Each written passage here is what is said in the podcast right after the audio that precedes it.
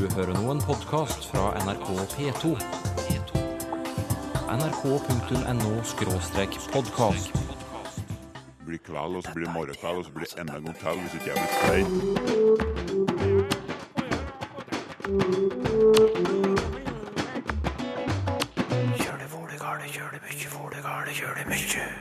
17. mai skal hun tolke nasjonalsangen på tegnspråk. Ja, det er så heldig at det her vakre tegnspråket er et veldig visuelt språk. At Ja, vi elsker tolkes offentlig, hva betyr det for en som er døv? Det er eh, en følelse av eh, inkludering. Og hva er denne veisen i hvitveis? Det er et gammelt ord i norsk, og det kommer fra gammelnorsk veisir.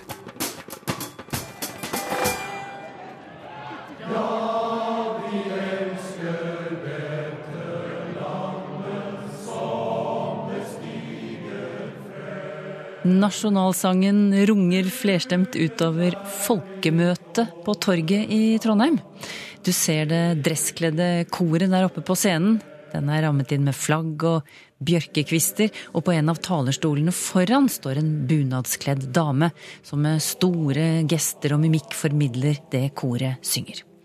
Tine Eggen er tegnspråktolk, og på 17. mai skal hun tolke Ja, vi elsker, slik at også døve kan ta del i opplevelsen. Ja, det er nesten sånn at bare en sier at en skal gjøre det, så får en litt frysninger.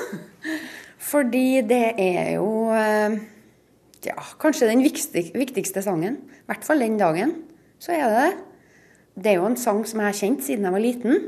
Men liksom nå, har, nå er det sånn at jeg driver og den går og surrer litt i hodet mitt. For det finnes ingen tegnspråksangbok med én bestemt måte å tolke Ja, vi elsker på. Allerede det første ordet, ja, må Tine Eggen ta stilling til. Det er jo sånn at eh, den måten Ja, vi elsker er bygd opp på, et, et dikt som skulle ha hett Ja, vi elsker på tegnspråk, eller tegnspråkpoesi, ville jo aldri ha valgt f.eks. den rekkefølgen som Ja, vi elsker har. På tegnspråk er det ganske unaturlig å starte å si ja. Man starter ofte en fortelling med å si hvor og tidsangivelse. Og det starter ikke Ja, vi elsker med. Hvorfor er det viktig å ha tid og sted først? Det er jo, en, det er jo sånn språket er bygd opp. At eh, eh, man viser tid og sted først. Sånn at det, den starten på Ja, vi elsker ville ja, Og det her er jo helt sikkert mange meninger om, men for meg så hadde det ville vært eh, landet. Altså dette landet. Sant? Så jeg hadde vist landet da, med å legge hånda mi som ei pannekake utover. Landet. Og så hadde jeg sagt 'elsker'. Eller kanskje jeg hadde sagt 'stiger frem', og så hadde jeg løfta landet da, med begge hendene. Og så hadde jeg sagt 'elsker'. Ja. Det hadde kanskje vært den ideelle rekkefølge. Men fordi at det også er andre ting som påvirker, så velger jeg å si ja først. Hvorfor? Det gjør jeg fordi at Hvordan vet du at nå kommer nasjonalsangen? Eh, så vidt jeg husker, så er det ingen som står og sier 'og nå skal vi synge nasjonalsangen'. Det bare skjer. Og hvordan vil publikum på en måte Ja, nå er det jo den sangen. Den som jeg har sett kanskje mange ganger blitt tolka, eller ja, da jeg gikk på døveskolen, eller hva vet jeg. Og derfor så syns jeg at det derre ja-et der, det er en sånn gjenkjennelsesfaktor som på en måte introduserer at nå er det den sangen som kommer. Og så opplever jeg, det kan jo være litt forskjellig, men den dagen så, så er det jo et kor som står og synger, som står i ryggen min. Og når det koret plutselig runger på et sånt ja, som slår deg i brystkassa, sant? så blir det veldig rart å så ikke si ja. Hvordan uttrykker du et rungende ja? For det er jo mange måter å synge ja på, men det, her, det er jo en kraftig, kraftig sak. Mm, det er en kraftig sak. Og um, det er jo litt sånn, du kan ikke forberede deg på det. Plutselig kommer det, og da må du Å, nå skjer det. Og så kommer liksom frysningene, og så bare Og da, eh, på tegnspråk, hvis vi snakker eh, vanlig, oss to imellom, så er tegnet ja, det er lillefingeren som viser en krok. Som du tar fra ut i rommet og innover som et ja. Nesten sånn som du tegner en ja med, med en blyant. Og, og det gjør man med ei hånd. Og så kan man, si, kan man riste på den lillefingeren òg, ja, hvis man har et langt ja. Nå kommer det jo et høyt og rungende ja, som du sa.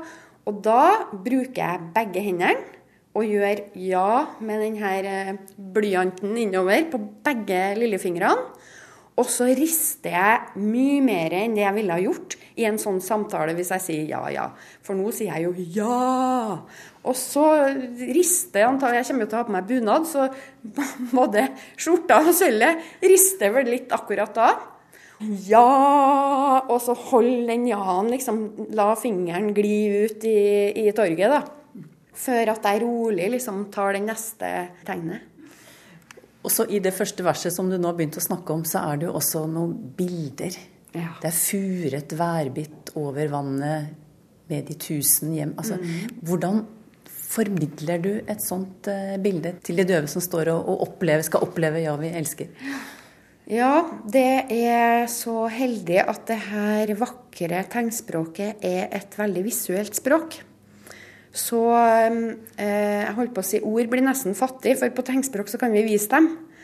Jeg sa jo at vi bruker jo å vise stedet, sånn at da vil jo det her vannet det vil jo bli vist med tegnet vann, som er en sånn pekefinger på haka, og så viser jeg det vannet. Så da ser man jo at her er det et vann. Det er fjell i bakgrunnen. Og eh, viser hustakene, som er tegnet for hus, da, det norske tegnet. Hvordan viser du det? De viser det med flate hender. Vi kaller det for eh, femhånd. Alle fem fingre er samla. Og så møtes fingerspissene opp i taket. Og så sett, plasserer jeg husene bortover. Bortafor det vannet jeg nettopp har tegna i rommet. Så plasserer jeg husene. Og det er de tusen hjem. sant? Det er jo alle de husene i Norge som står ved et vann, som står under et fjell. Og så viser jeg at eh, for furet værbitt Jeg aldri Jeg lærte sikkert på skolen hva det betydde. Og så har jeg jo drevet og sunget denne sangen i alle de år og ikke tenkt så mye over det til jeg ble tolk og måtte, måtte begynne. Hva betyr det egentlig? Og det er jo et land som er slitt av vær og vind. Eller slitt, det høres kanskje negativt ut. Prega av været stormene og eh, Nordsjøen og alt som er. Sånn at da, da, da, bruker jeg eh, Mitt bilde er jo at jeg bruker slitt. Sånn da, da knytter jeg begge hendene mine, eh, og den ene knyttneven liksom sliter over den andre knyttneven, slår over. Og så er jeg jo mange vet ikke det, men ansiktet i tegnspråk er kjempeviktig. Denne mimikken som man bruker, er ikke noe tilfeldig. Når man viser at noe er slitt, så rynker man sammen eh, panna si, øynene sine. Man, eh, man, ser på en måte ut som man holder på å slite på noen ting. Og viser på en måte det uttrykket intenst at det er Du sliter på Det skal vises i ansiktet. Og værbitt, ja, det er jo at stormen kommer, at vinden kommer, og det sliter på de her husene og det vannet og det fjellet som jeg nettopp da har plassert der. Og det, Den plasseringa av ting er kjempeviktig i tegnspråk. Du tegner opp en scene. Hvor er ting? Hvordan står det i forhold til hverandre? Og når det skjer noen ting, så skjer det mot der hvor du har plassert den tingen. Så da kommer vind og vær og gjør sitt med hus og hjem. ja. Slik formidler Tine Eggen begynnelsen av Ja, vi elsker. Hun er tegnspråktolk ved Nav hjelpemiddelsentral i Sør-Trøndelag. Og ifølge Døveforeningen er Trondheim første kommune i landet som gir offentlig støtte for tolking under byens 17. mai-arrangement. Både taler og sang blir tolket. Og hva betyr det for en som er døv? Det betyr det betyr mye. Eh, det betyr ja, Det er vanskelig å beskrive det. Eh, det er eh, en følelse av inkludering. En følelse av stolthet. Det er vakkert å se på. Og det gir meg veldig mye ved å se det bli brukt. Men også det å forstå.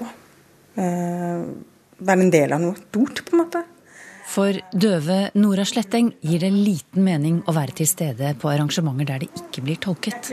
Sånn vanlige arrangementer så er jeg ikke med. Jeg velger å ikke dra, eller eh, jeg er med med familien, men jeg får ikke med meg noen ting. Det er kjedelig. Ja, det er kjedelig å ikke få med seg det som blir sagt, sier Nora Sletteng. Tobarnsmoren er i svangerskapspermisjon, og jeg treffer henne hjemme sammen med to tolker som bytter på å oversette det jeg sier. Så svarer Nora meg på norsk, bl.a. om hvordan hun opplever det når nasjonalsangen framføres på tegnspråk. Det er veldig fint å se. Eh, ja, vi elsker på sitt eget språk. Hvorfor er det fint? Det er en del av den norske kulturen. Det er vårt vårt lands sang. Eh, og det å få det formidlet på det språket som jeg er eh, vokst opp med, det språket jeg bruker, så gir det meg mye. Du, du føler deg stolt, på en måte. Men at arrangement som folkefesten på torget 17. mai blir tegnspråktolket, hører til unntakene, ikke regelen. Det er ingen selvfølge i dag at det kommer en tolk og tolke offentlig arrangement. Det er ingen selvfølge at jeg kan gå på hva som helst og se og delta på lik linje som alle andre. Det er ingen selvfølge. Uh, og jeg kunne ønske det var en selvfølge. Jeg kunne ønske det var noe som jeg kunne spontant finne på. Og noen jeg lyst til å være med på det arrangementet uten å måtte sjekke om det var mulig, måtte bestille og organisere alt mulig. Men vi alle sammen kan gjøre akkurat som alle andre. Bare dra opp og møte opp, og så er det tolka. Så det å få den muligheten som Trondheim kommune har gjort nå, sette opp tolker på 17. mai, på 1. mai, på julegrøntrening gjør at jeg kan være med. Og da føler jeg på en måte at nå, nå er jeg en del av noe. Nå er jeg en del av det viktige som skjer for alle andre. I fjor var det for første gang tolking under den tradisjonsrike julegrantenningen i Trondheim sentrum. Nora Sletting var til stede sammen med toåringen sin. Jeg hører jo ikke, så jeg har vært med et par ganger og sett på lysene, på treet, på barna og gleden der. Men denne gangen hadde jeg muligheten til å få med meg hva barna sa, og hvor viktig det er med eh, det å dele. og bry seg om hverandre. Og min datter kunne også være med på det, og jeg kunne snakke med henne om det. Jeg kunne snakke med henne om hvorfor disse tingene skjer. Eh, snakke med henne om eh, juletre, og liksom være en del av noe. Hvis det ikke hadde vært en tolk der, så hadde ikke jeg hatt den muligheten til å kommunisere med min datter om det etterpå. Hva betyr det? Hva betyr det for deg at dere kan Datteren din er jo hørende, du er døv. At dere kan ha en sånn opplevelse sammen? Det betyr utrolig mye. Eh, det betyr så mye. Det at jeg kan vise henne en del av min kultur også. En del av mitt språk. Men det er også det å vise at mamma ikke er så annerledes, egentlig. Jeg er annerledes. Jeg hører ikke. Og det vet hun. Hun skjønner at jeg er ikke som alle andre. Og det er greit. Men også er det greit at hun slipper å se mamma ekskludert hele tiden. At hun, hun ser den i hverdagen hver dag. At mamma ikke er en del av noe. Men sånne arrangementer får hun se at mamma er del av noe. Mamma er ikke så annerledes i dag. I dag skjer det noe som vi kan snakke om sammen, og vi kan oppleve sammen. Nå er hun så liten at hun får ikke med seg så veldig mye. Men hun vil bli større, og hun vil kanskje oppleve det mer og mer. mer. Det håper jeg hun kan slippe litt. Ja. Å kunne dele flere opplevelser med familien sin ved hjelp av tegnspråktolking, det ønsker Nora Sletteng i Trondheim seg.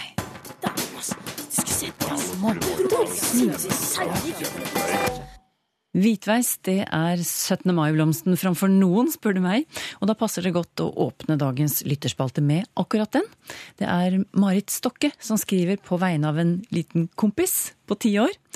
Han lurer på om hvitveis er et sammensatt ord, og hva betyr i så fall veis?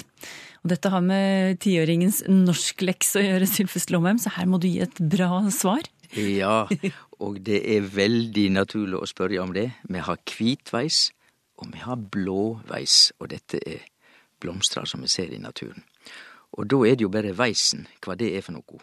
Jeg visste ikke det sjøl presis, så jeg måtte sjekke. Det er eit gammalt ord i norsk, veis, og det kjem fra gammelnorsk veisir, og det tyder knopp. Så hvitveis er en hvit knopp, og blåveis, det er en blå knopp. Paul Atle Herigstad har et spørsmål om bokstaven Ø, som vi jo på norsk skriver som O med en skråstrek, mens i Sverige har de O med to prikker over. Og likevel, sier han, er det folk her til lands som når de skriver for hånd, skriver O med to prikker, og han har eh, lagt merke til at på eldre skrivemaskiner kan du finne O med to prikker, og enkelte gater har navn eh, som staves med O med to prikker, f.eks. i Kristiansand er det Møllevannsveien, Sjømannsgaten, Gyldenløves gate, Løkkeveien. Hvorfor har man operert med to ulike øer her i Norge i en periode, spør han. Det korte svaret på det er jo at uh, vårt land ligger mellom Danmark og Sverige. Og det er rett og slett forklaringa på at vi også ser en viss svensk praksis i norsk skrift, ikke bare dansk praksis. For det er ikke tvil om at O med skråstrek, det er dansk praksis for å skrive denne Ø-lyden. Og det er heller ingen tvil om at O med to prikker er den svenske praksisen for å skrive denne lyden Ø. Og det er da forklaringa på at i Norge ser vi begge deler. Men, men eh, i prinsippet må vi seie at dansk og norsk skriv O med skråstrek, og svensk skriv O med to prikker, slik som også tysk skriv det med to prikker over. Og det er jo det tyske ordet tøddel som vi òg vil kjenne for dette tegnet med to prikker. Og det tyske ordet tøddel betyr egentlig en rund prikk. Og det er også det som faktisk ligger til grunn for ikke en tøddel skal bli forandra i Bibelen. Det Luther brukte jo ordet tøddel på tysk, og dermed har vi fått det i skandinaviske bibler, og ikke forandra en tøddel. Nå står det jo å forandre, ikke å forandre en prikk, og det er mer forståelig. Men hvordan har den skrivemåten, den med O med enten strek over eller prikk over Vi må gå til latin for å virkelig få opphavet, og da er det over 2000 år tilbake i tid, og det skreiv de O og E sammen, og da vart det Ø-lyd etter kvart. Og det samme med Æ, det skreiv de A, Æ, to bokstaver A og E, som vart til vår moderne Æ-lyd. Denne Ø-lyden har jo hatt varierande skrivemåter, til og med på latin hadde de en skrivemåte med OE, men vi kan slå fast at i germanske språk så er det to varianter, enten skråstrek over O-en eller to prikker over O-en. Hvorfor har vi så mange slektskapsord fra fransk, spør eh, Turid Brox-Nilsen, og nevner onkel, tante, nevø, niese, kusine. Ifølge Bokmålsordboka har alle disse ordene kommet til norsk fra fransk, eh, skriver hun. Og så lurer hun på om de ble lånt inn til norsk samtidig, hva de het før vi lånte dem inn fra fransk, og hvorfor byttet vi dem ut i det hele tatt? Sylfus Lomheim, hva kan du svare? Ja, For det første så er ikke de gamle orda Eh, søskenbarn og faster og moster og den slags vokabular, de er ikke helt ute. Men eh, det er helt klart at det er tante og onkel og kusine og fettere som dominerer i vår tid. Og de er fra fransk. Det er ingen tvil. Men hvorfor er de da fra fransk? Ja, det er nok fordi at uh, vi mennesker er sjarmerende nok, men ganske nærsynte, fordi vi er jo vant til at det språket vi låner alt fra, det er engelsk. Vi låner jo engelske ord hele tida. Men vi glemmer da at det er et veldig nytt fenomen. Før 1850 og 1860, og det er ikke lenge siden, 150 år siden, så lånte vi ikke engelske ord i det hele tatt. Det var først på slutten av 1800-tallet at vi begynte å låne engelsk, og at engelsk ble litt populært. Så låneord inn til norsk i eh, hundrevis og hundrevis av år siden mellomalderen og framover, det var fra fransk og fra tysk. Men spesielt fra fransk, fordi at fransk var det språket som hadde prestisje i hele Europa, like fra 1100-1200-tallet og fram til 1800. Så sånn er det. Når det gjelder disse franske orda, så er det jo greit nok vi har tante, og vi har onkel, og vi har niese, og vi har nevø, alt dette fra fransk, og vi har også da kusine og fetter. Vi skal legge merke til én ting, og det er at kusine, det er jo da eh, søskenbarn av hokjønn i norsk, ikke sant den? Ja, ja. Ja.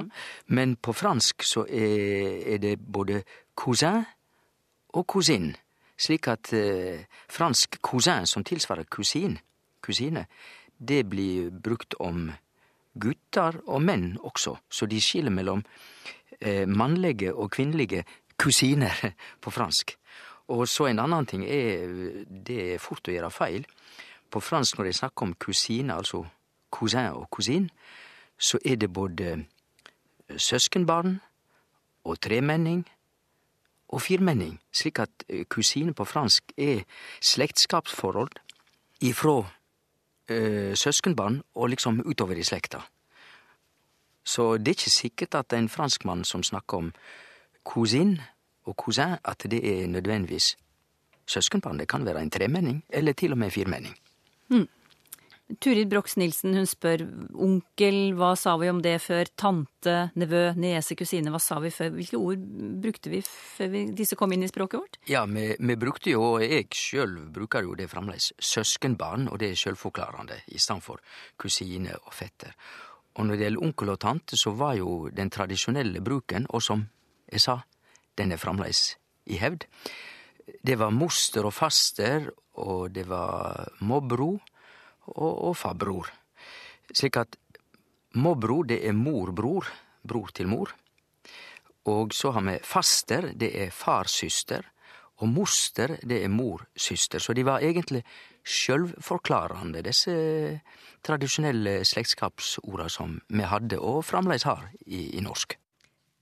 Kan dere forklare uttrykket 'elefanten i rommet'? Hvor kommer det fra, spør Cecilie Solar. Det kan vi. Vi har det ikke fra norsk eller skandinavisk i det hele teke. Ikke uventa kjem dette fra engelsk, amerikansk. Og etter mine kjelder så vart det i alle fall brukt kanskje første gangen i avisa New York Times i 1959. Så så gammelt er det i alle fall. Og i den første tida i eh, amerikansk språk så vart brukt om til dømes alkoholmisbruk og andre ting, når du leter at auga ikkje vil sjå det som er så opplagt for alle. Det er jo Det står i rommet, men du vil Du nekter å sjå det. Det var eh, elefanten i rommet. Men alle veit jo at nå for tida så er elefanten i rommet blitt et uttrykk som er Ja, det er veldig mykje brukt, men det er såpass nytt, den store, omfattende bruken i norsk, at jeg har ikke sett det så nok selv omtalt i ordbøkene. Men det er altså snakk om å ikke vilja sjå noko, late at augo for noe som burde være åpenbart for alle. Fra Twitter-kontoen Usikkerhetstjenesten kommer det et spørsmål om uttrykket 'krysse fingrene'. Har det noe med å be og folde hender å gjøre, og hvor kommer det fra? Ja, det kan du lite på at det har noe med å be, for dette er kristendom, sjølvsagt. Å krysse fingrene, det betyr at du krysser dei, altså det blir ein kross. Og dette er Jesu kross, det. Vi, vi har tru på at krossen kan hjelpe oss. Dette dreier seg om tru, og at vi trur det hjelper. Og når det heiter kryssa, så viser jo det òg at det, det historisk opphavlege ordet er ikke som på bokmål kors, der det har lydene bytta plass, men det er som på nynorsk cross, og på engelsk cross.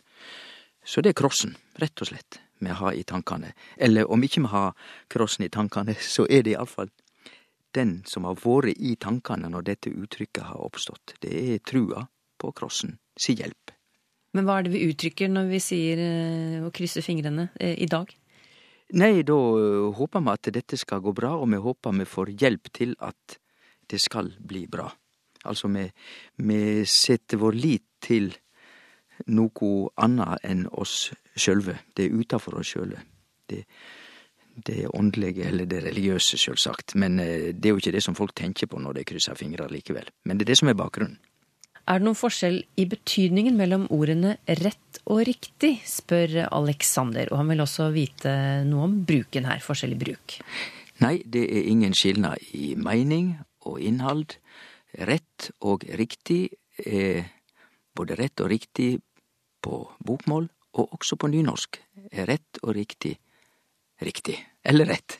Men historia bakom disse to orda er jo ulik, fordi at rett går tilbake til gammalnorsk, og det er et gammalnorsk ord som betyr bein, Mea riktig har me fått frå dansk og tysk, og eh, egentlig så løgner det seg rechtig på tysk, og recht, da ser me at det er det samme som rett. Så egentlig har disse orda felles opphav langt tilbake, men riktig har me lånt inn i nyare tid. Rett har me beint fra gammalnorsk. Og grunntydinga er alltid noe som er beint rett fram. Hvorfor heter det ketsjup, spør Øyvind Svare Odde. Artig spørsmål. Det er et veldig artig spørsmål, og det er vel ikke uventa at jeg måtte sjekke det, sjekke det i oppslagsbøker, for det hadde jeg ikke tenkt på sjøl. Vi har sjølsagt ketsjup fra engelsk og amerikansk, men sjølve ordet har en lang, lang historie, som du òg var inne på enn om vi snakker om dette på førehand, fordi at det kjem fra Austen, og eh, egentlig så for eksempel på kinesisk så heiter det kue tsiap, og det er ikke så langt unna ketsjup, der kue har med sjø å gjøre, og tsiap har visstnok med saus å gjøre. Så i utgangspunktet var dette en eddiksaus, og den har flere hundreårig tradisjon og kom til Europa på 1500- og 1600-tallet visstnok, så dette er ikke noe nymotens greie.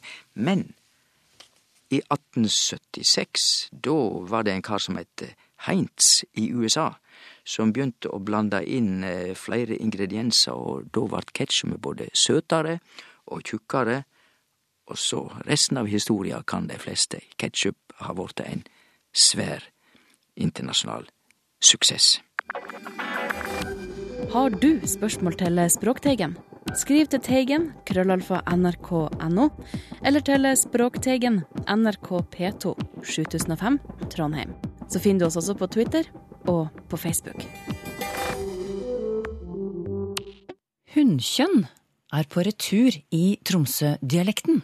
At eh, ei, formen ei, på et eller annet vis har fått lav status. Det er ukult å si ei. Språkteigen neste gang.